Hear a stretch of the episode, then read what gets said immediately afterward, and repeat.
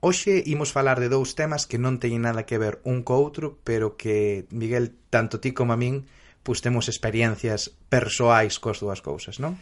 Por separado. Por separado, sí. Ti con Boris Johnson e eu con criptomoedas. Canto, canta pasta palmaches co invertindo no, no boom do Bitcoin? Non o vou revelar. A ver, eu, eu non, non cheguei a invertir no boom do Bitcoin. Era unha especie de derivado financeiro un pouco máis complicado, polo cal ti comprabas a un prezo e en 48 horas como máximo vendías. A diferenza entre como fora o prezo cando compraches e cando vendías iba para ti. Bueno, unha pequena parte iba para para a páxina web de trading coa que, coa que facía iso.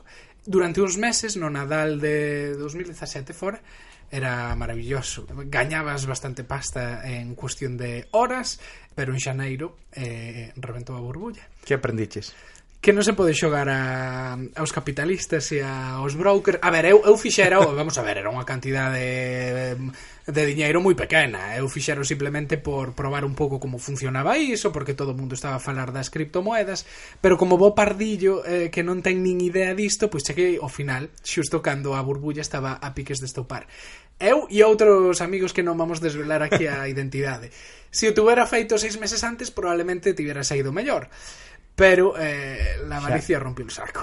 Xa, pero bueno, mesmo pode decir, se eu tivese comprado opcións de Apple en 1991, tamén agora tería un montón de pasta, pero non a teño. Quero pensar que despois diso aprendín a non meterme nesos eh, mundos de casino e que aforrei disgustos maiores no, no futuro. E ti con Boris Johnson que? Pois eu con Boris Johnson, pois alá no ano 2010-2011, cando eu acababa de chegar a Londres, Boris Johnson era alcalde, eu aínda estaba traballando na hostelería, aprendendo inglés e pensando en que facer coa miña vida, traballara nun evento que tivera lugar no eh, Museo de Transporte de Londres e no que se presentaba un novo autobús eh, híbrido, non? que se chamaba Routemaster, que ahora podemos ver aquí polas, polas rúas de Londres. E estaba eu ali, non? na entrada, cunha bandexa con varios con, bueno, con cócteles, eh, cócteles así que se chama especiais, que se chamaban Rootmaster, cun xeo co logo do Transport for London, estaba esperando pois pues, salir para, para darlle a benvida aos, as persoas que iban a asistir a este evento. En isto que apareceu Boris Johnson, o señor alcalde, que viña co seu traxe e co súa mochila, porque naquela época iba andando en bicicleta a todas partes, entón levaba unha mochila pois, pues, para, para levar as súas cousas, e achegouse a min e preguntarame aquilo de bueno, isto que leva? Pois, ima, pois isto é un root master e, e contei que levaba, colleu un, deu máis gracias e seguiu. Ese foi, pois, a miña chegada a miña chegada a Londres co, co que agora vai a ser o próximo primeiro ministro, eso parece, non? Pois nada, Boris Johnson e criptomoedas. Aí vai ese cóctel. Dentro intro. Think about Brexit. What, what's that? Like? Order! The nose to the left, 432. Wow. With the light, with the music, Very welcome everybody here. A Brexit question in English, if you don't mind. Bueno, no, hombre, no vamos a hacer. Venga, adelante. ¿Quiere usted hacer el puñetero favor de largarse de aquí y de... No va usted a hacer nada ya. Would you like a cup of tea? Yeah, sure. Go on, have a cup of tea. Thank you, thank you. Pois para que non esteades familiarizados coa política británica, este último que acabamos de escoitar na intro do noso podcast é Boris Johnson, que é un dos candidatos a convertirse no próximo primeiro ministro, que se elixirá o 22 de, de xullo. Neste audio en concreto, Boris Johnson estaba saída da súa casa ofrecendo té en misión humanitaria, como el dicía, a uns xornalistas que levaban horas acampados ali para intentarlle sacar algunha declaración despois dun artigo bastante polémico que publicara no que comparaba as mulleres que vestían burca con caixas de correos. Entón, precisamente de Boris Johnson imos falar hoxe porque, como dixen, é un dos candidatos que se presenta a suceder a Teresa May como primeiro ministro nas primarias. En que situación estamos, Duarte? Pois a ver, desde que Theresa May deixou o cargo, anunciou que iba a dimitir, abriuse o proceso de, de elección de novo líder dentro do Partido Conservador. As primeiras rondas, as primeiras fases deste proceso fixéronse exclusivamente no grupo parlamentario, Houve unha serie de candidatos que tiñan abais de distintos deputados e deputadas, fixéronse varias rondas de votacións dentro do grupo ata que quedaron dous, os dous últimos, que neste caso foron Boris Johnson e Jeremy Hunt. Entre estes dous últimos pasan a militancia que agora mesmo xa está recibindo as papeletas na súa casa e está comezando a votar quen queren como novo líder conservador. Estamos falando dunha militancia de aproximadamente 160.000 persoas, o Partido Conservador é o segundo partido en tamaño do Reino Unido, despois do Partido Laborista que ten aproximadamente medio millón de afiliados e eh, ten unha composición maioritariamente de homes eh, maiores de 66 eh, anos de clase media ou clase media alta. Estas son as persoas que a día de hoxe van a decidir quen vai ser o próximo líder conservador e, polo tanto, o próximo primeiro ministro. Uh -huh. Todas as enquisas apuntan a que Boris Johnson está en cabeza frente uh -huh. a, a Jeremy Hunt, non? Efectivamente. E agora mesmo tanto as enquisas como eh, os, as casas de apostas apuntan a que con moitísima diferencia Boris Johnson vai ser o, o gañador. E saberémolo o día 22 de xullo cando o Partido Conservador faga, faga o anuncio. Sí, de feito, bueno, quen lea un pouco a prensa británica verá que Boris Johnson é quen está centrando a campaña para coñecelo un pouco máis, porque é unha personaxe moi moi interesante, uh -huh. que nos últimos anos, bueno, pois foi protagonista de moitas polémicas, moitos o coñeceredes se cadra porque foi alcalde de Londres durante durante moito tempo. Duas legislaturas, non? Creo que chegar a ser, sí. Sí, e arrebatou eh, o control ao Partido Laborista despois de, de moitos anos. Foi un, un político que véndese a sí mesmo como outsider. Sí. E como unha especie de político alternativo, a pesar de ser de ser do, do Partido Conservador, cando era alcalde de Londres, bueno, era un pouco un político liberal, proimigración, eh, que era o contrapunto pois, a posturas máis eh, racistas ou máis conservadoras que pudera haber no resto do país. Claro, contrasta. Se agora, calquera persoa que pase por Londres ou que mire un poquinho cal é a política actual en Londres ve moi difícil como un líder conservador pode gañar nesta cidade tan multicultural, tan progresista, que non encaixa nada cos valores que está promovendo a día de hoxe o Partido Conservador. Pero eu lembro cando cando cheguei, cando cheguei a Londres por primeira vez no ano 2010, con Boris Johnson como alcalde era algo completamente distinto, porque sí que tiña este aire de de alcalde moderno, alcalde liberal, conservador no económico, sí, pero era unha persoa que iba a todos lados en, en bicicleta, era teóricamente pois un alcalde ecoloxista, era o que dicías ti, era un alcalde pro inmigración, de portas abertas, e iso encaixa moi pouco tamén co figura mesmo que ten ela a día de hoxe, non? Pero naquela, naquel momento era un éxito electoral por iso e tamén porque era unha persoa que coa que a maior parte dos votantes e iso ainda pasaría agora se irían a tomar unha, unha cerveza. Claro, sin embargo, esa imaxe de político outsider alternativo, liberal e moderno contrasta un pouco coas súas orixes. El vendo unha familia de clase alta e polas escolas nas que estudou podese ver pois que un representante máis da élite económica claro. e política deste país. El estudou en Eton, na escola de Eton, onde estudou con entre outros David Cameron, o anterior primeiro ministro,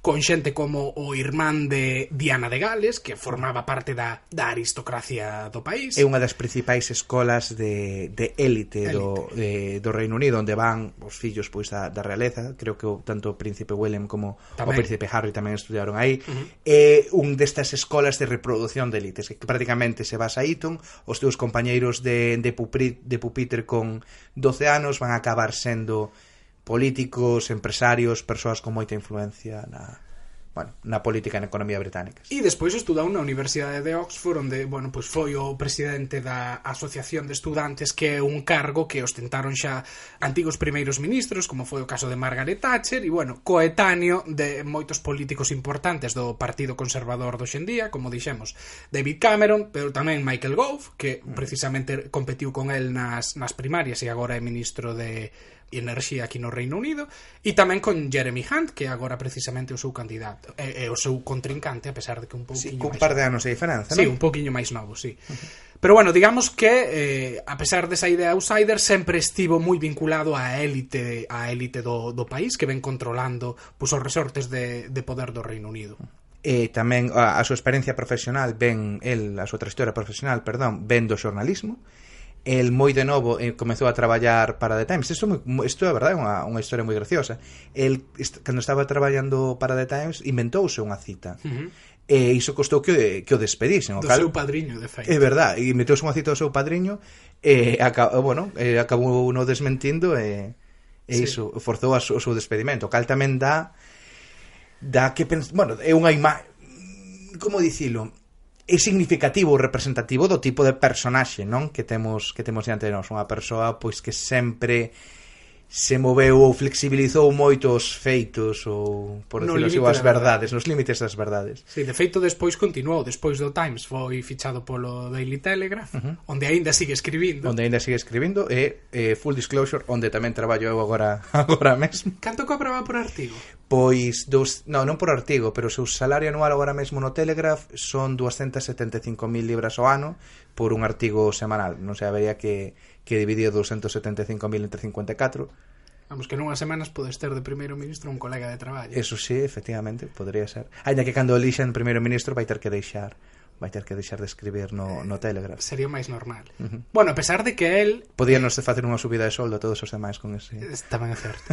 a pesar de que el, eh, despois de ser xornalista do Telegraph, bueno, falaremos agora un pouquiño máis en detalle do que fixo como correspondente uh -huh. en Bruselas, pero el foi a uh, director do New... Uh, do The Spectator. The Spectator, efectivamente. Cando era a vez eh, diputado conservador, non? Sí, iso sempre me pareceu moi turbio, é verdade. Eh, The Spectator é unha revista eh, de política e cultura de ideoloxía conservadora moi influente, a verdade, non é un moi lida ou ou que teña unha tirada enorme, pero sí que é unha revista moi influente. A verdade que está bastante ben a nivel de calidade. Eh, pois sí, efectivamente el foi foi tamén foi tamén editor desa, desa revista eh. compatibilizando co, co seu cargo de deputado moi curioso eso. pois, sí. pois como dicíamos, cando foi xornalista en Bruselas eh, correspondente do Telegraph pois exerceu unha grande influencia sobre a política británica e as relacións co, coa Unión Europea. Tocoulle precisamente vivir e cubrir unha etapa bastante, bueno, controvertida na que a Unión Europea, con Jacques Delors como presidente da, da Comisión Europea, estaba constituíndose no que, no que ben sendo hoxe en día un mercado único e despois o que foi o Tratado de Maastricht e nunha época, nos anos 80, na que Margaret Thatcher estaba no poder no Reino Unido e precisamente estaba pois rivalizando con ese proxecto eh, europeo. Eh, é curioso, hai, hai un libro sobre precisamente o, o seu ascenso que estaba lendo agora que comentan que Boris Johnson eh, non era necesariamente un euroescéptico, pero a súa oposición ao, ao, ao proxecto europeo viña porque era antiliberal desde o seu punto de vista. Entón o que o que sospeitaba el e moitos outros conservadores como Margaret Thatcher era que, era que se estaba creando pois unha estructura de Estado da que eles precisamente se quixeran desfacer no Reino Unido en base a liberalizar a economía. Entón non era a súa oposición inicial á Unión Europea, pois non era unha cuestión tanto de estamos en contra de eh, Europa, dos valores europeos ou da relación cos, cos países europeos, como eh, pois a sospeita de que se pudera crear unha nova estructura burocrática que puidera, bueno, pois acabar con esa idea de libre mercado que les tiñan. Uh -huh. Eh, bueno, tamén hai unha unha cuestión que ti falas agora de que le, traballou para o Daily Telegraph, de que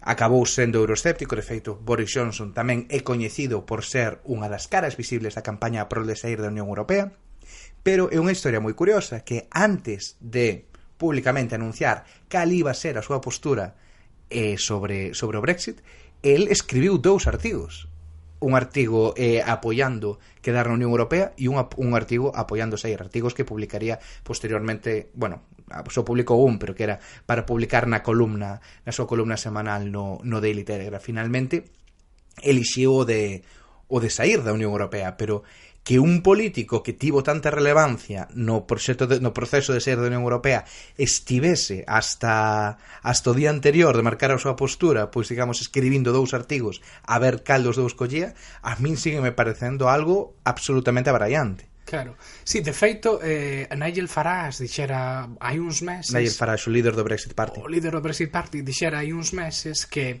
o papel de Boris Johnson en todo o proceso da, de sair da Unión non, non se limitaba só ao que fora a campaña, sino que se limitaba a esos tempos nos que fora correspondente no Telegram. Mm. Que el dicía que o euroescepticismo eh, nos anos 80 era como un monopolio do Partido Laborista, de Tony Benn e todos estes políticos que sospeitaban que a Unión Europea iba a supoñer un recorte de dereitos Tony laborais. Benn, que era un líder histórico da esquerda laborista, un dos mentores de Corbyn, o propio Jeremy Corbyn naquela época, Exacto. Mm, eh, que fixo campaña a prol de da saída do, do Reino Unido da, da Unión Europea. Claro, entón, Boris Johnson durante moitos anos dedicouse a cubrir a actualidade europea de, dun xeito un pouco, bueno, cómico, como parodiando o que era a construción da Unión Europea. Pois, por exemplo, sacou artigos dicindo que a Unión Europea quería eliminar os plátanos tal e como os coñecemos hoxendía, así un pouco ondulados e facer plátanos rectos uh -huh. ou por exemplo que tamén quería regular o tamaño dos eh, preservativos ou inventándose que se quería construir un macro rascacielos para que se puxeran ali as oficinas de toda a burocracia europea cando simplemente fora pois, un comentario dun, dun comisario que dixera que, bueno, que ao mellor eso era, era unha boa idea. Boris. Uh, yes, Commissioner Boris Johnson, uh, Daily Telegraph. Um, these, this is, uh, sounds like a very large amount of money. É curioso porque concretamente o dos, o dos plátanos e o da curvatura dos plátanos foi algo que despois durante a campaña el volveu sacar. Uh -huh. Ou seja, 20 anos despois de ter, de ter escrito isto no, no Daily Telegraph. E era unha auténtica falsedade. Entón, sí que hai un certa, unha certa correlación entre o que era o euroscepticismo que promovía Boris Johnson nos 80 e ese, esa campaña que, que se movía nos límites da verdade que foi a campaña a campaña pro deseo da Unión Europea no cal era todo un, un, un bueno, un conxunto de medias verdades ou, ou de auténticas mentiras directamente que eso sí que recorda un pouco ao que podía facer Boris Johnson na súa etapa como corresponsal en Bruselas. Bueno, pero e agora, volvendo ao debate que está vendo dentro do Partido Conservador e a xestión do Brexit, que propón Boris Johnson agora mesmo? Que propón Boris Johnson? Boa pregunta. Pois quizáis Boris Johnson agora mesmo sexa o candidato do no deal, do sair sen acordo.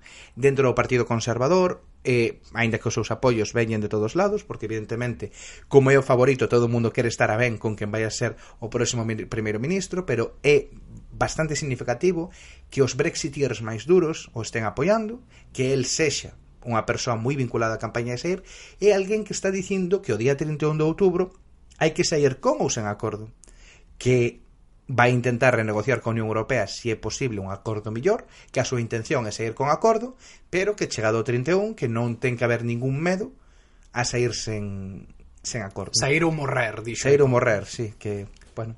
Sí. sí.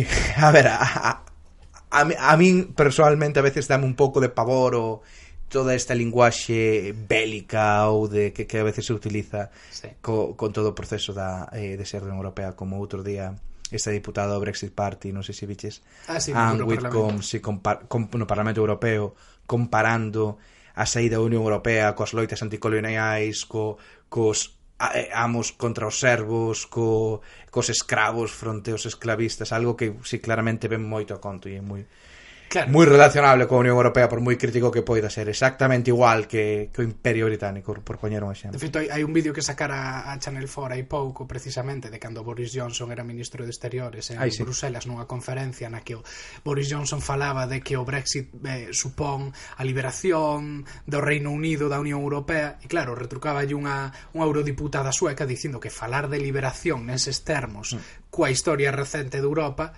pois como mínimo é algo de mal gusto. Claro. Eh, en fin, Boris Johnson tamén ten unha cousa, que que el sempre xogou a ser o, o provocador, non? E utilizar o sentido do humor tamén como, como unha provocación. E está constantemente nos medios porque di algo extremadamente ofensivo. Por exemplo, cando durante a campaña pro deser, bueno, do, do referendo, dixo que Obama era eh, estaba, estaba en contra do, do Brexit porque era medio keniano e por ser medio keniano era contrario ao Imperio Británico. Eso es un despropósito para alguén que estaba pois eh, en posicións de responsabilidade pois como eh, como Boris Johnson. Eh, tamén ameazara con que si se continuaba na Unión Europea Turquía iba se iba, se iba a deixar entrar a Turquía e iba a invadir a Unión Europea uh -huh. que a modo de anécdota dicir que Boris Johnson, moitos que vexades o seu pelo así moi loiro, podedes pensar que ven pois dunha caste saxona de hai moitos séculos, eh, os seus orixes son en Turquía, precisamente, vendo unha minoría étnica turca que teñen así o pelo moi loiro, e de feito o seu tatarabó fora un ministro de Educación bastante islamista que de feito fora executado cando, bueno, chegou ata Turk que fora un presidente turco que quixera facer de Turquía un país máis moderno, laico e demais é dicir que as súas orixes son son precisamente musulmáns e de feito el recurriu hai pouco a, sí, nun debate a iso para, bueno, alegar que non, non podía ser racista por, por esa circunstancia. Efectivamente. Bueno, e quen é outro? Jeremy Hunt. Quen é Jeremy Hunt? Bueno, Jeremy Hunt agora mesmo é, é ministro de Exteriores. Que era o posto que tiña Boris Johnson hasta non hai moi. Exacto, era o posto que tiña Boris Johnson. Eh, durante os últimos meses, anos, con Teresa May de primeira ministra, foi un pouco, bueno, pois un dos seus principais aliados. De feito, nalgúnha crónica xornalista chegaran a dicir que era Teresa May con pantalóns. Hmm. Antes diso fora ministro de, de Sanidade, foi no, durante bastante anos. Sí, foi, que, que, creo que ten o, o, a honra ou, si, de, de ter sido ministro de Sanidade máis lonxevo? Pode ser, sí. Pasou moitos anos como ministro de Sanidade, primeiro con David Cameron e despois con Theresa May. Claro, e tamén durante unha etapa eh, complicada eh, de axuste orzamentario xeral claro. de toda a administración na que precisamente as talladas no NHS eh, uh -huh. foron, foron bastante polémicas. De feito, sí. el tivera que xestionar un conflicto bastante importante cos junior sí, doctors. É eh, que un tipo un tipo de médico que ahora mismo non sabería como, como buscar o equivalente, digamos que, sí, un digamos que un tipo de un tipo de médico que tivo un conflito laboral moi importante con eles que durou anos que o houve folgas, houve moito tira da frouxa, e marcou a xenda, marcou a xenda. Sí. Foi moi moi moi conflito a raíz un tipo de contrato novo que quería que quería, bueno, acordar con con eles. Entón, sí que nese sentido está moi marcado co coa política de sanidade dos anos de austeridade, pero tampouco creo que Jeremy Hunt sexa ou durante eses anos, a pesar de que sí que marcaba a xenda política, non creo que sexa un político particularmente coñecido porque con todo ten un perfil moi gris Jeremy Hunt, sí, non? non é nada carismático, ¿eh? eh, é, é precisamente o contrario de Boris Johnson. Totalmente, sí, sí. Boris Johnson velo nas entrevistas que se lle fan, nas rodas de prensa que fai, ten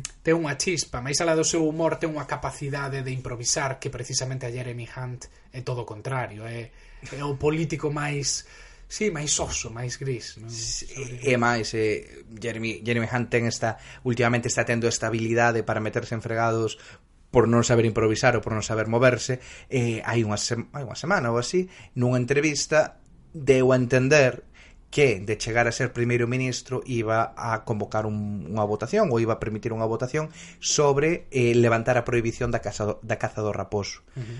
O cal pois, provocou un rexeitamento enorme eh, na opinión pública, porque, bueno, Cazador Raposo, a pesar de ter moita tradición no, no Reino Unido, é unha tradición que se, que se reduce a un número moi, moi, moi pequeno do, de xente e ten hai un consenso social en contra da, da, da caza do raposo.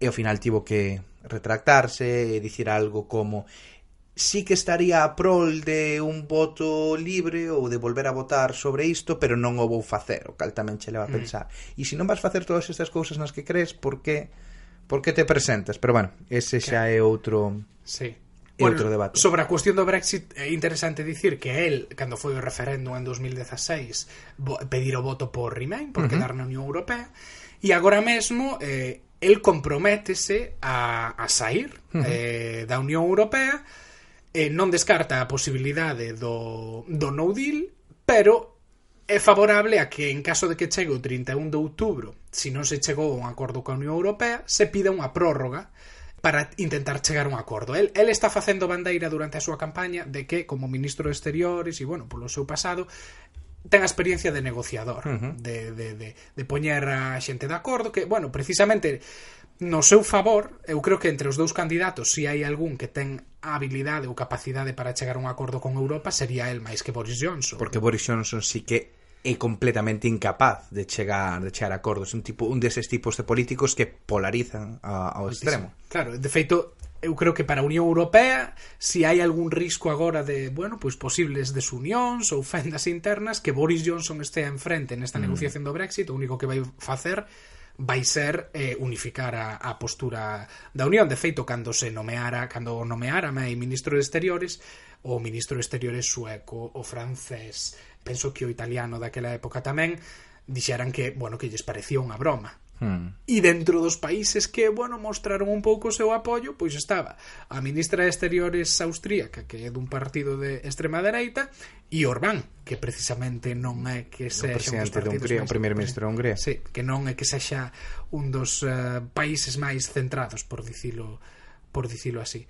Eh, bueno, entón en que en que situación nos atopamos? Quen destes dous vai gañar? Claro, como dicíamos antes, todas as enquisas eh, parece que apuntan a que Boris Johnson vai a ser votado polos eh, militantes conservadores, mm. eh, entre outras cousas porque en vista do que aconteceu nas eleccións europeas, onde o Brexit Party, o partido de Nigel Farage, foi o máis votado, moitos deles entenden que para que o Partido Conservador sobreviva, o partido o, tense que convertir pois na opción do no deal e ser moi claros con iso. E nese escenario que en dá máis garantías de cumplir ese, esa promesa de sair o 31 de outubro é Boris Johnson. Totalmente. E hai que hai unhas hai unhas semaniñas, hai unha enquisa de de YouGov eh, a membros do Partido Conservador e claramente ter un Brexit, sair da Unión Europea é unha prioridade para eles. É dicir, preferían antes de que, que había unha pregunta que era do tipo, que cousas estaríades dispostos a que pasasen eh, antes de, de, de, de cancelar o Brexit. Pois mira, preferían eh, que Escocia se independizase antes de cancelar o Brexit, que Irlanda do Norte se reunificase con Irlanda do Sur antes de, de cancelar o Brexit, que o Partido Conservador colapsase e se destruíse antes que renunciar ao Brexit. Só había unha cousa que estarían dispostos a bueno, que, que lle está máis medo que non ter Brexit que é que Jeremy Corbyn fose primeiro ministro. Antes rota que roja. Antes, tal, tal, tal cual, sí, como sí, dicían en Twitter. Sí, sí, antes, pero sí, efectivamente, es, entón estamos falando dunha militancia para a cal a día de hoxe a prioridade política número un é sair da Unión Europea. E sí que é verdade, eu iso entendo que se a túa prioridade política é ser da UE entre Boris Johnson e Jeremy Hunt, pois que máis garantías che vai a dar, como dicías ti antes, é, é Boris Johnson. En primeiro lugar, porque xa foi un dos líderes da campaña de sair, non é un converso como, como Hunt, e porque leva moito tempo insistindo en que non hai que renunciar, que un acordo pois é desexable, pero que non hai que renunciar a, a sair. E despois tamén hai outra, eu creo que hai outra outra historia que está que se está falando moito neste debate, que os conservadores queren a unha persoa que sexa unha gañadora. Alguén que teña capacidade de gañar eleccións e que, de haber unhas eleccións anticipadas, estea, ou estea en, en, en posición para gañar a, a Jeremy Corbyn. E Boris Johnson o que ten, ou o que intenta vender, é que, claro, el, cando era alcalde de Londres, eso foi capaz de gañar o Partido Laborista, non a calquer Partido Laborista, senón que daquela o candidato o candidato laborista era Ken Livingstone, que é unha persoa tradicionalmente asociada á esquerda do partido, moi similar ao que propón Corbyn a, a día de hoxe, con, oito, con moitos anos de experiencia como alcalde. Entón, el defende ou di que el ten experiencia para derrocar a, a, a, a extrema esquerda. Pero claro, aí o que hai tamén algúns comentaristas que sinala a dicir, vale, Efectivamente, el foi capaz de gañar en Londres, foi capaz de conseguir eh, votos non tradicionalmente conservadores, pero todo isto foi antes de Brexit. Isto era cando Boris Johnson podía presentarse, como falábamos ao principio, como un candidato liberal, relativamente progresista, pero a día de hoxe, logo de... Bueno, vamos a esperar a que pase esta, esta moto. Eh, como un candidato progresista, pero agora, logo de ter apoiado Brexit, parte desas credenciais, pois como que esqueimou, non? Claro, o que sí que lle axudaría, e, e é outro dos factores que, que no que pensan os militantes, é que, bueno, si pode tamén neutralizar a Jeremy Corbyn, tamén podería neutralizar a Nigel Farage pola dereita, en caso de que de que finalmente se presentase. De feito, chegouse a falar nos medios e Farage deixou no caer que en caso de que Boris Johnson fose o, o elixido como primeiro ministro ou en caso de que houbera unhas novas eleccións, que se podería chegar a algún tipo de acordo entre o Brexit Party e os conservadores para non dividir voto e para garantir pois unha maioría aplastante no en Westminster a favor de, de sair da Unión. Porque precisamente as eleccións son un dos escenarios que están, dos catro escenarios que están en riba da mesa. Por sintetizar, un deles sería sair da Unión Europea sin acordo. Outro deles sería a convocatoria dunhas eleccións ou dun referendo para ratificar a saída da Unión Europea sin acordo. Uh -huh. Habería aí que, que ver que preguntas se sí. poñen sobre Intentar a mesa. ter algo de, de, de validación popular para sair sen acordo, que é algo en sí pois bastante arriscado. Exacto. Outra saída sería chegar a un acordo antes do 31 de outubro que parece bastante improbable en vista do que aconteceu cos catro intentos de, de May antes mm. do verán.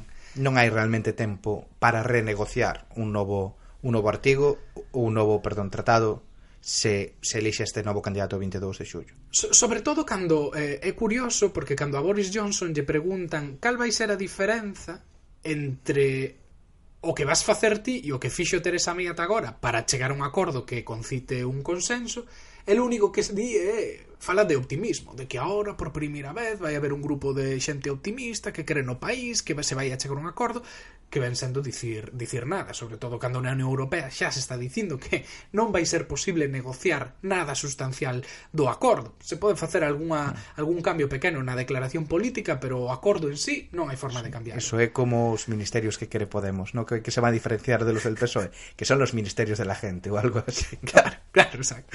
E a, a, a cuarta opción sería solicitar unha prórroga, unha extensión a, da permanencia na Unión Europea a partir do 31 de outubro, é dicir que o 31 de outubro non se saia, para volver ao terceiro punto que falábamos, para intentar chegar a, a un acordo. Que pasa? Que se si vas pola opción de non acordo, pois digamos que os brexiteers están moi contentos porque é o que é o que queren, queren sair sen acordo, levan querendo sair sen acordo durante, bueno, desde 2016, unha parte importante deles Eh, pero iso ten moitísimos riscos para a economía, para as relacións diplomáticas con Europa, etc.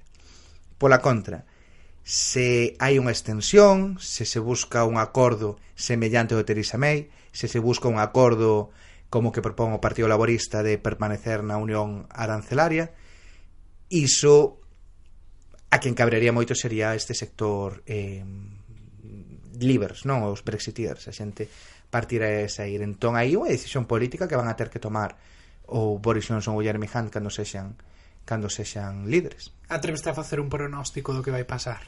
Eu creo que Boris Johnson vai gañar as primarias. Uh -huh. Creo Eu que contigo. creo que que que non vai non non vai ser capaz de renegociar un acordo con a Unión Europea, pero que se vai a achicar eh, e non, non vai haber unha saída sin acordo. Xa sexa ou ben porque ela chica ou porque o Parlamento eh, lle aproba unha moción de censura. E isto é bastante é dicir, o da posibilidade dunha moción de censura é bastante real. Por varios motivos. Un, vai haber unha by-election, a by-election é cando en algunha circunscripción hai que repetir as eleccións por algún motivo, porque morre un deputado, porque dimite, etc.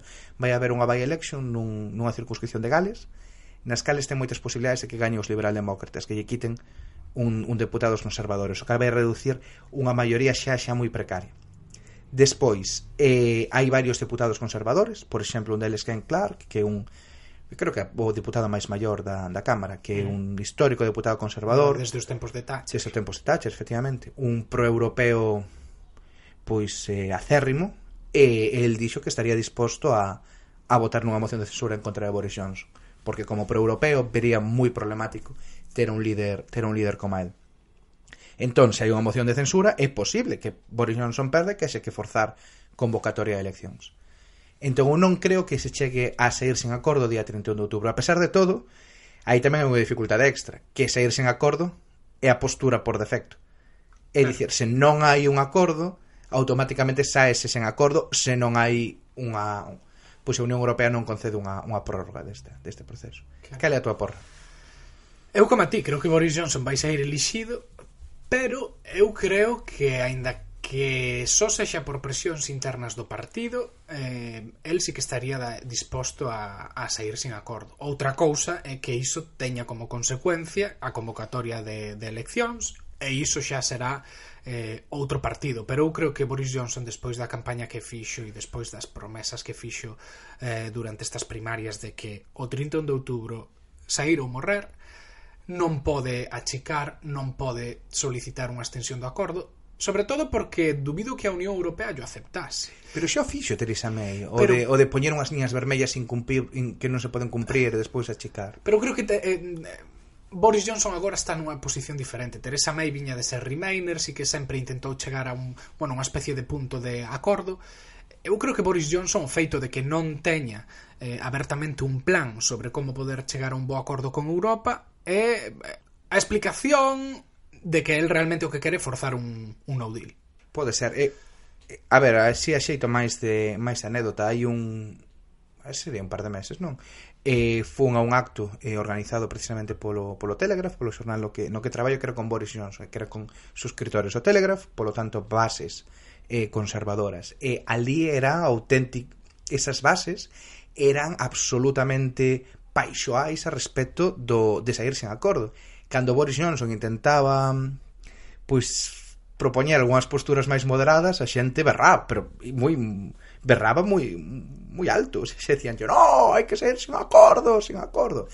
Metía medo, non, aquilo. E falamos pois deso da dereita así entre aspas civilizada ou Claro Sí, que non, que non son UKIP, que non son o Brexit Party, en teoría. Claro, efectivamente. A min hai o que me dá medo é o tándem que falábamos antes Farage-Boris.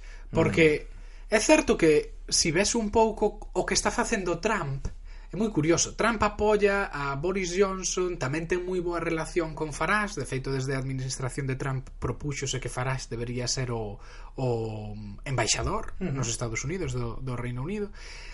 Esas insinuacións que se fixeron de que si Farage estaría disposto a chegar a acordos co Partido Conservador de Boris Johnson nunhas eleccións, o feito de que saiu hai pouco que Steve Bannon, quen fora un dos principais asesores de Trump na campaña para chegar á Casa Blanca e despois, cando nos primeiros meses do, do goberno Steve Bannon eh, eh, está colaborando con Boris Johnson e el mesmo recoñeceu que lle axudou a redactar o discurso eh, no que eh, dimitiu como ministro de Exteriores de, de Teresa May hai uns meses, o ano pasado. Entón, a, a min ese tándem dame un pouco de, de medo, porque realmente eu creo que a posibilidade de que o Partido Conservador, en caso de que cheguen unhas eleccións, perda, viría pola división de voto entre o Brexit Party e eles. Si van unidos, Eu aí creo que teñen moitas posibilidades de sacar unha maioría aplastante tendo en contra que no outro lado, no, no lado máis remainer ou progresista vai haber unha división moi forte tamén entre laboristas e liberaldemócratas. Claro, pero o mesmo xeito que pode haber eh, o problema é que agora tamén está to... hai moita incertidume, do mesmo xeito que efectivamente pode haber un tándem en eh, Brexit Party Conservadores, tamén chegado o momento se o Partido Laborista aposta por unha postura moito máis remainer ou máis dura co tema de segundo referéndum para quedar, iso tamén o pode facer que os liberaldemócratas que a día de hoxe están pois moi altos nas enquisas, pois que vayan para baixo, porque o principal motivo polo que están subindo é pola postura sobre Brexit. Entón, aínda hai moitísimas cousas no aire sobre este novo suposto escenario coa tripartito, que está por ver, porque aí siga habendo un sistema electoral que claramente penaliza uh -huh. as forzas pequenas. Entón está por ver como o electorado británico tamén reaccionaría nunhas eleccións xerais co sistema electoral de First Past the, past the Post e se aí o voto útil ou o voto táctico non acaba non acaba por, por impoñerse. Bueno, en conclusión, pasou, pasou moito, pero non pasou nada. Non pasou nada, que a sensación que levamos tendo aquí desde aproximadamente 2016. Pero, bueno, eso non deixa de, de facer o Reino Unido quizáis un país máis... Eh, ten a seu interese, ten a súa gracia todo o que está pasando por aquí. En calquera caso, eh, agora imos falar de outra cousa completamente distinta, non é, Miguel? Sí, imos falar de criptomoedas.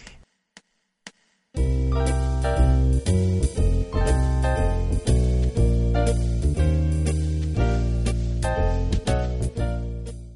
Ben, pois hoxe temos como convidada a Jessica Bello Pérez. Ela é unha xornalista que traballa no sector tecnolóxico, cubrindo información tecnolóxica aquí en Londres e en concreto o sector das criptomoedas. Agora nos explicará en que consiste. Ela é galega, pero naceu aquí no Reino Unido e sufriu, bueno, un pouco así, da evol así das e voltas da emigración. Voltou a estudar a Betanzos, onde rematou o bacharelato e despois regresou ao Reino Unido, onde fixo os seus estudos universitarios e onde está actualmente traballando. Hola, Jessica, que tal? Hola, moi ben, como estades? Como primeira pregunta, a nosa audiencia é moi ampla, vai desde xente moi nova a xente moi maior. Moitos se cadra non saben que é iso dunha criptomoeda, así que se non lo podes explicar, agradecemos xo. Vou no intentar.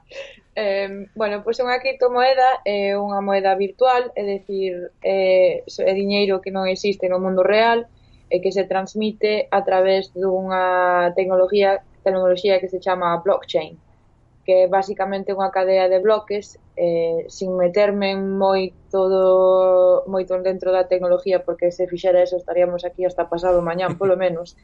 é, é un registro eh, de todas as transaccións que se completan É dicir, se eu tuvese eh, Bitcoin, por exemplo, que é unha das criptomoedas máis coñecidas no mundo actual, eh, e che volo enviase a vos, pois quedaría registrado esa transacción quedaría registrada na, na, na cadena de, bloc, de bloques ou, ou blockchain. Eh, pódense comprar eh, a través de internet ou en varios eh, varias casas de intercambio que xurxiron xa desde fai ao mellor, pois que no que ano estamos, 2019, pois 2000, desde dos, 2009, 2010 a, adiante e, e despois eh, para gardalas necesitas un eh, billeteiro virtual, é dicir, é car son cartos que podes ter, pero que nunca vas tocar. De onde nace a necesidade de, de crear isto? Por que se crea eh, Bitcoin ou, ou, ou calquera criptomoeda en primeiro lugar? Que necesidade intentan intentan cubrir que non estivese xa cuberta, digamos, polos cartos eh, normais sancionados polos bancos centrais que na maior parte tampouco podemos tocar e que son transaccións eh, sobre as cales tampouco temos control non hai tanto papel moeda como, como cartos teóricamente dispoñibles Pois pues mira, todo surge dun sentimiento eh, eh, con la intención de básicamente crear una, una moneda virtual que no esté controlada por ningún banco central ni gobierno. Eh, Es decir, es un sentimiento, se podría decir, pienso que liberal, un poquito anarquista, eh, para evitar eh, el control tanto del gobierno como de los bancos centrales como de cualquier eh, entidad financiera. Y eh, ten, o sea, tiene sus connotaciones políticas, pero es un movimiento económico, incluso hay gente que dice que es socioeconómico. E que vantaxes tería iso, esa, esa ausencia dun control dun banco central para, para un consumidor? Pois mira, moito. En primer lugar, que a entidade financiera, o goberno e demais que non che pode controlar. É dicir, o problema que ten o Bitcoin agora nestos momentos é que a maior... non é a maioría do uso, pero ti, por exemplo, cando lees unha noticia na que, do... que trata sobre as criptomoedas e que fala un poquinho da tecnología blockchain ou cadena de bloques, o que se suele ler e o que se suele escribir é que é unha criptomoeda que se utiliza no dark web, que é obviamente a porción de, de internet que non está dispoñible a, a xente como a nós, por exemplo, necesitas eh, descargar un cliente que se chama Tor para acceder ao que é o dark web e entonces o que a fama que ten é que se usa para comprar eh, armas de forma ilegal, eh, drogas eh, e todo ese tipo de cousas. Entonces, basicamente eh, o que o Bitcoin, por exemplo, surgiu, ora no mismo non me acordo, pero no 2008-2009, eh, ca, co objetivo ese de, de evitar o control de unha entidade central, é unha moeda descentralizada, eh, eh, basicamente foi despois da crisis financiera que hubo no, o sea, mediados do 2000 e pico. Uh -huh. Claro. Eh, entonces eso, evitar o control do, do goberno, do bancos, eh, de entidades financeiras, eh, básicamente eh, que ti poidas despoñer dos teus cartos como cando queiras, compralos cando queiras, gastalos en no que queiras, obviamente eso ahora mismo non é posible porque non todo o mundo acepta Bitcoin. Uh -huh. Hai hai varias empresas grandes que sí que aceptan como método de pago, pero bueno, obviamente non é unha forma de pago universal que se acepta en todos os sitios. Uh Despois tamén hai o argumento de que eh, es, podría ser unha forma de pago interesante para países en fase de desenvolve, desenvolvemento don, donde non é necesario, por exemplo, ter unha conexión a, a, a internet para mandarse cartos entre sí, pero bueno, eh, eu levo xa escribindo do tema desde 2015 e o uso máis frecuente que eu vexo como xornalista e do que máis escribo e tamén o que máis me interesa eh, como se usa eh, para financiar actividades eh, criminales. Eh, claro, e unha cousa que, que, se, que se cadra estivemos lendo moito nestes, nestes dez anos nos que leva existindo Bitcoin ou nos que se leva falando de criptomoedas é moito sobre a volatilidade do, do seu valor e, e quizáis tamén eh, com, vese máis como un, un mercado no que especular, casi como como un casino que como un método eh, de pago. ¿Eso puede ser un problema a hora de estabilizar as criptomoedas como un método regular de pagamento? Sí, a ver, eh, eu obviamente non quixera que ninguén eh, comprase Bitcoin sin saber eh, o sea, sin saber perfectamente que obviamente podes perder moitos cartos. Eu, por exemplo, teño algo, pero non teño moito, e no do, diciembre do 2017 cando subiu moito, que creo recordar que estaba sobre os 20.000 dólares unha moeda máis ou menos, eh, eu fixen algún carto e coñezco xente que tamén, bueno, coñezco xente que fixo miles e miles e miles e miles e miles de dólares, mm. pero tamén se poden perder miles e miles e miles e miles de dólares. Eu creo que o problema que ten a criptomoeda neste momento, e cando falamos en concreto do Bitcoin, é que na miña mm. forma de pensar non é, non hai unha necesidade eh, inmediata para utilizalo como forma de pago eh, nestos momentos, porque vayas a donde vayas no mundo, se non podes utilizar unha tarjeta bancaria, non podes utilizar PayPal ou non podes utilizar outro método de pago online, sempre vas ter efectivo, non? Mm. Eh, entonces falase moito, por exemplo, aquí en Inglaterra de que o Bitcoin que lle falta um, o seu um, killer app, que quere decir que aínda agora, dez anos despois de que salira a moeda ao mercado, por así decirlo de alguna maneira, todavía non sabemos exactamente para que se vai a utilizar ou por qué. Sen embargo, hai grandes empresas que están comezando a, a pensar en apostar por, por a súa propia criptomoeda. Eh, falábase o, Facebook. de Facebook, non? Hai, hai pouco que va lanzar esta nova Moeda a Libra, sí, uh -huh. que é un nome que vai a creo xerar bastante confusión en no mercado hispanofalante, pero eh por que estas empresas tamén están in, pensando ou explorando a posibilidade de de entrar en nas criptomoedas? A ver, en primeiro lugar, a Libra de Facebook non é técnicamente unha criptomoeda. Eh, porque a pesar de que eles eh, insisten que esta a tecnoloxía está basada na cadea cadea de bloques ou blockchain, eh, despois de ler o non sei como se dice en galego, o white paper. Eh, sí, o, o, o sea, a documentación ou sí, o papel. Quedou claro de que non é unha criptomoeda. Na miña opinión, están utilizado o término criptomoeda para poder abordar o que o, o interés que, que, que hai neste mundo nestos momentos.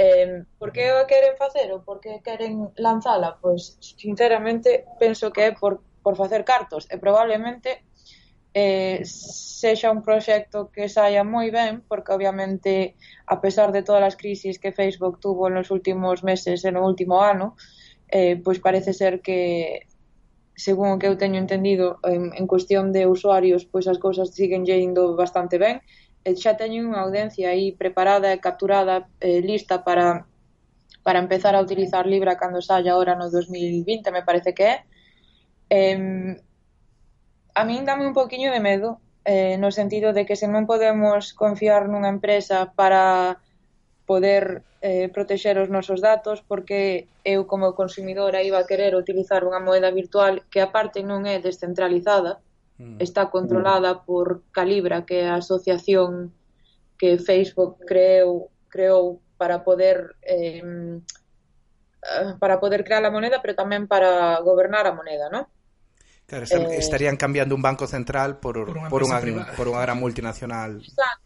E a ver, o seu argumento digo que, por exemplo, que houve varias entidades como Mastercard, Visa, Uber, que en principio eh, habían dito que iban pagar, creo que eran 10 millóns de dólares cada unha para poder eh, unirse á asociación para despois eh, gobernar a moeda.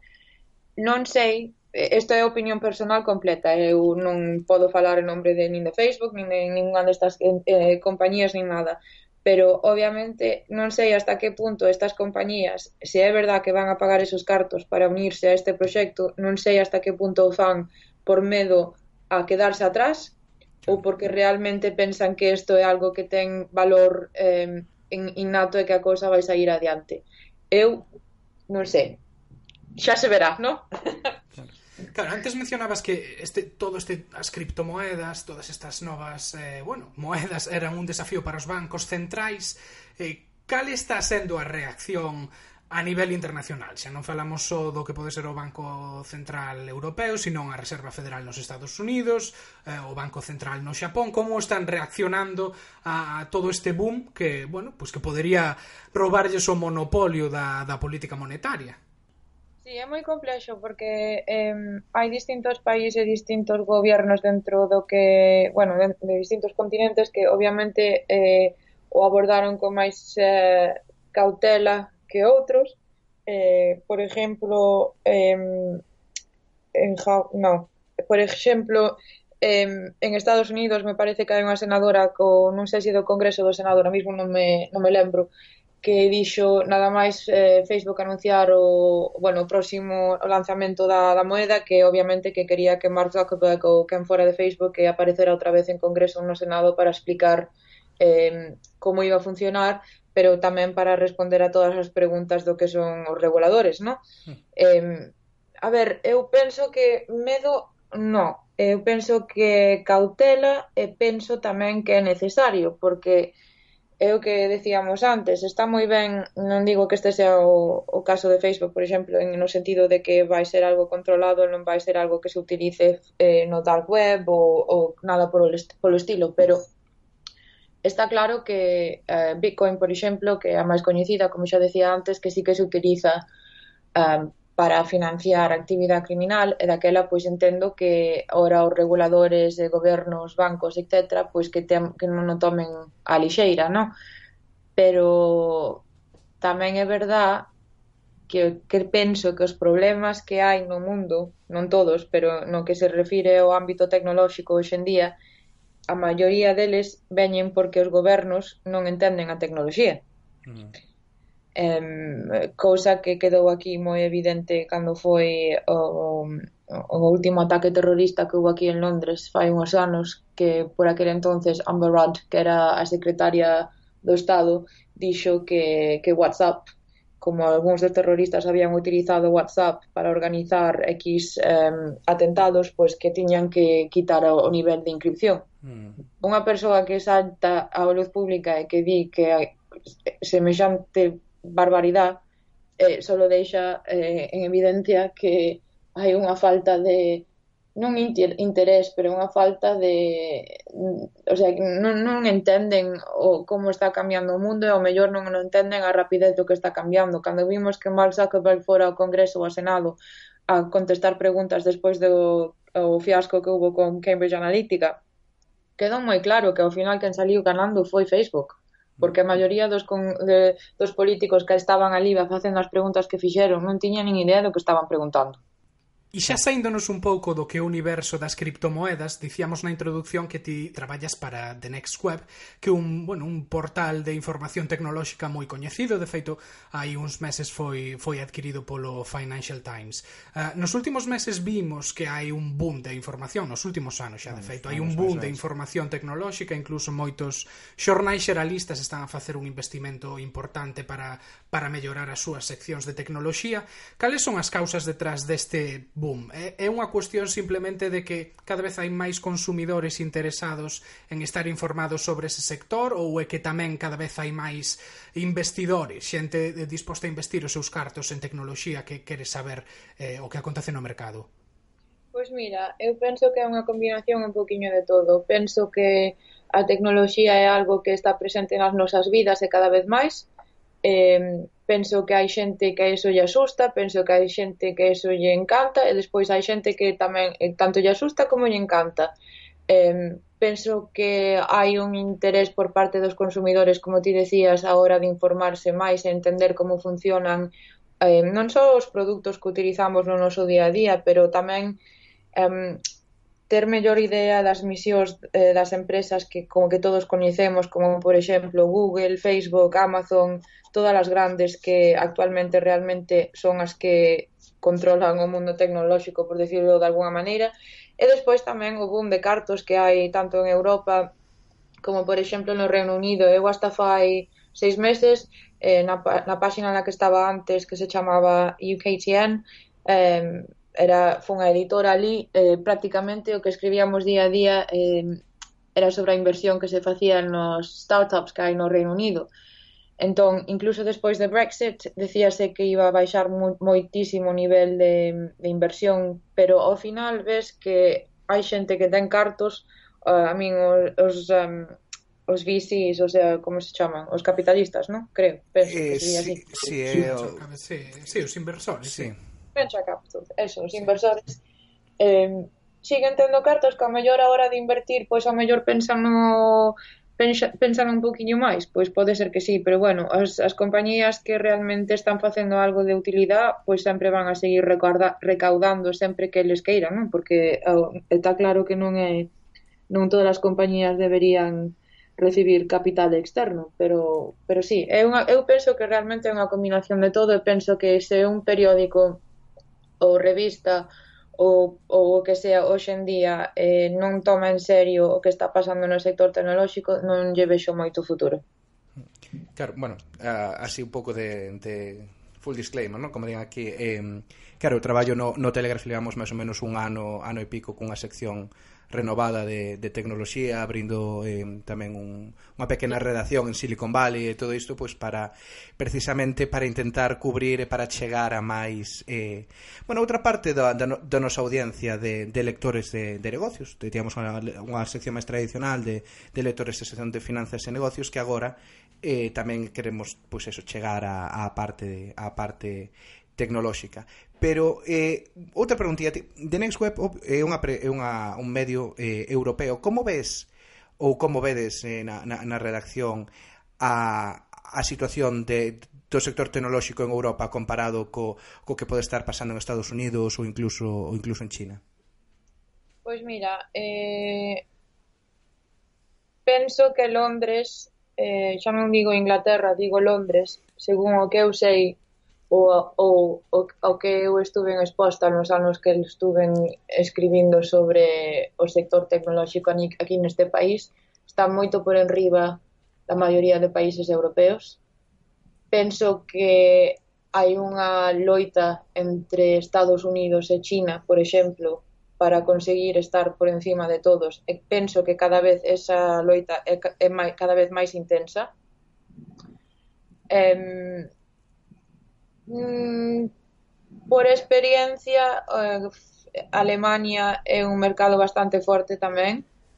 E Francia, sei que o goberno está facendo cousas moi interesantes, sobre todo no campo da inteligencia, inteligencia artificial. Uh -huh. Si, sa, eh, saíra hai uns meses unha entrevista eh, a Macron en, na revista Wire precisamente falando sobre os plans que tiña para invertir en inteligencia artificial. Moi interesante por se algún ouvinte a quere, a quere ler paga, paga a pena.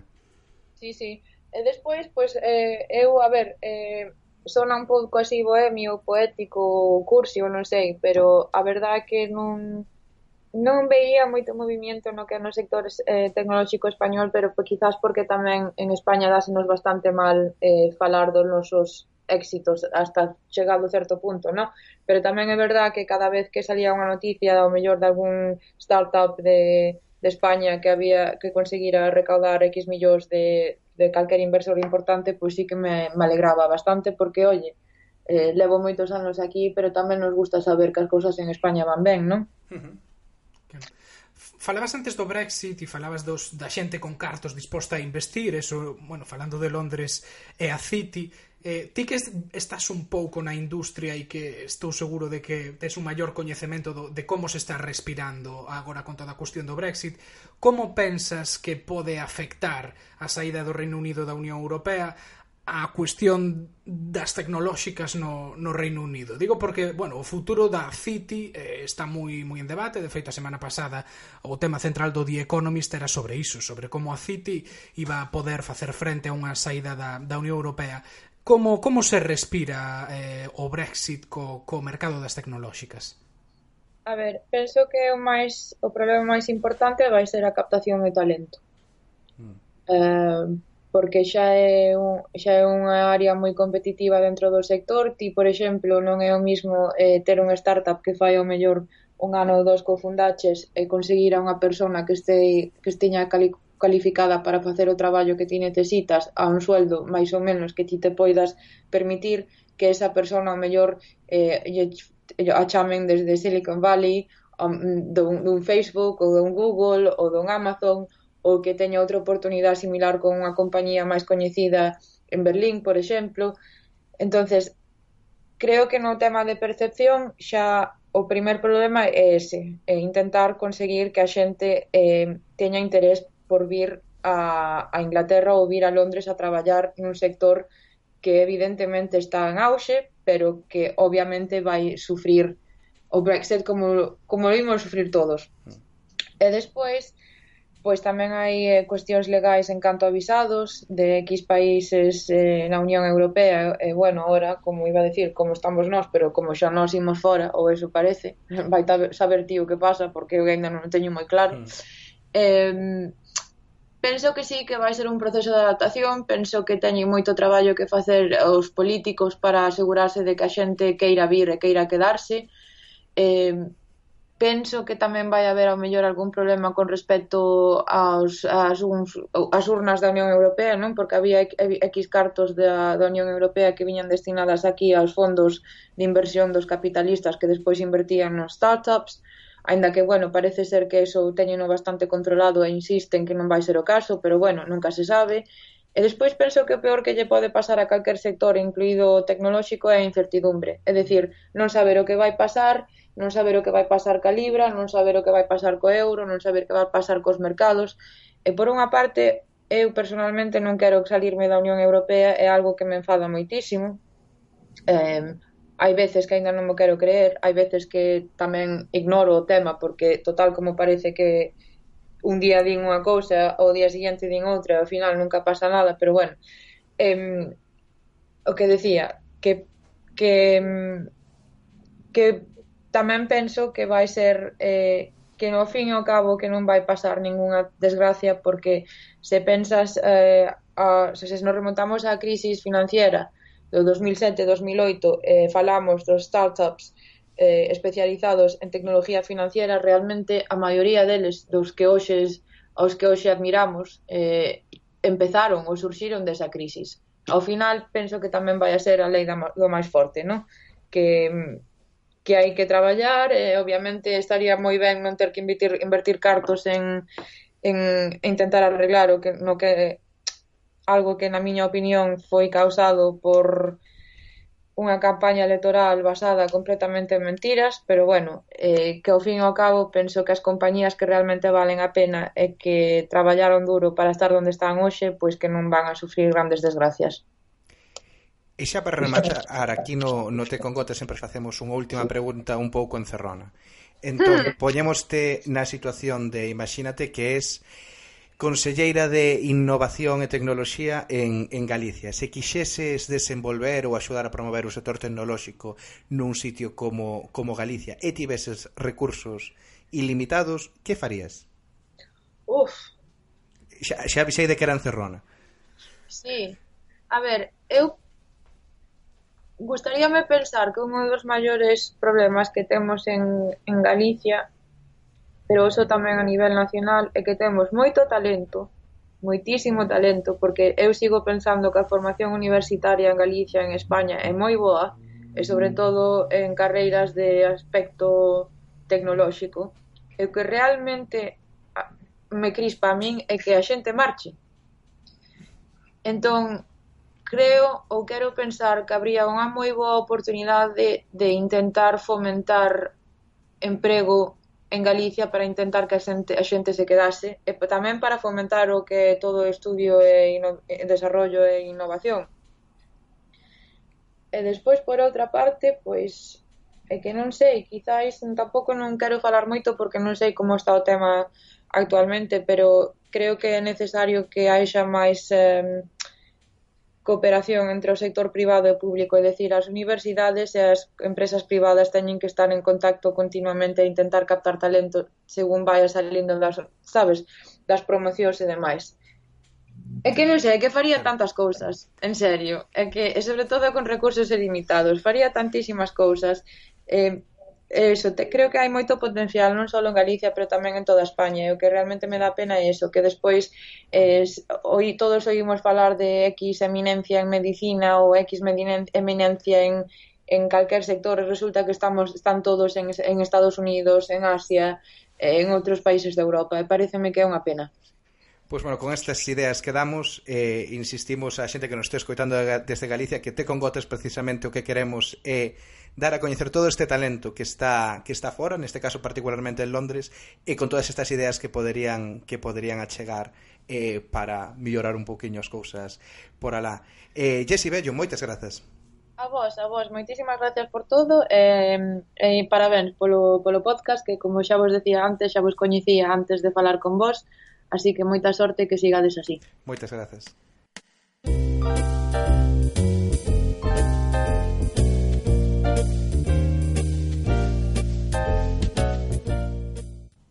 Bueno, Miguel, que che pareceu?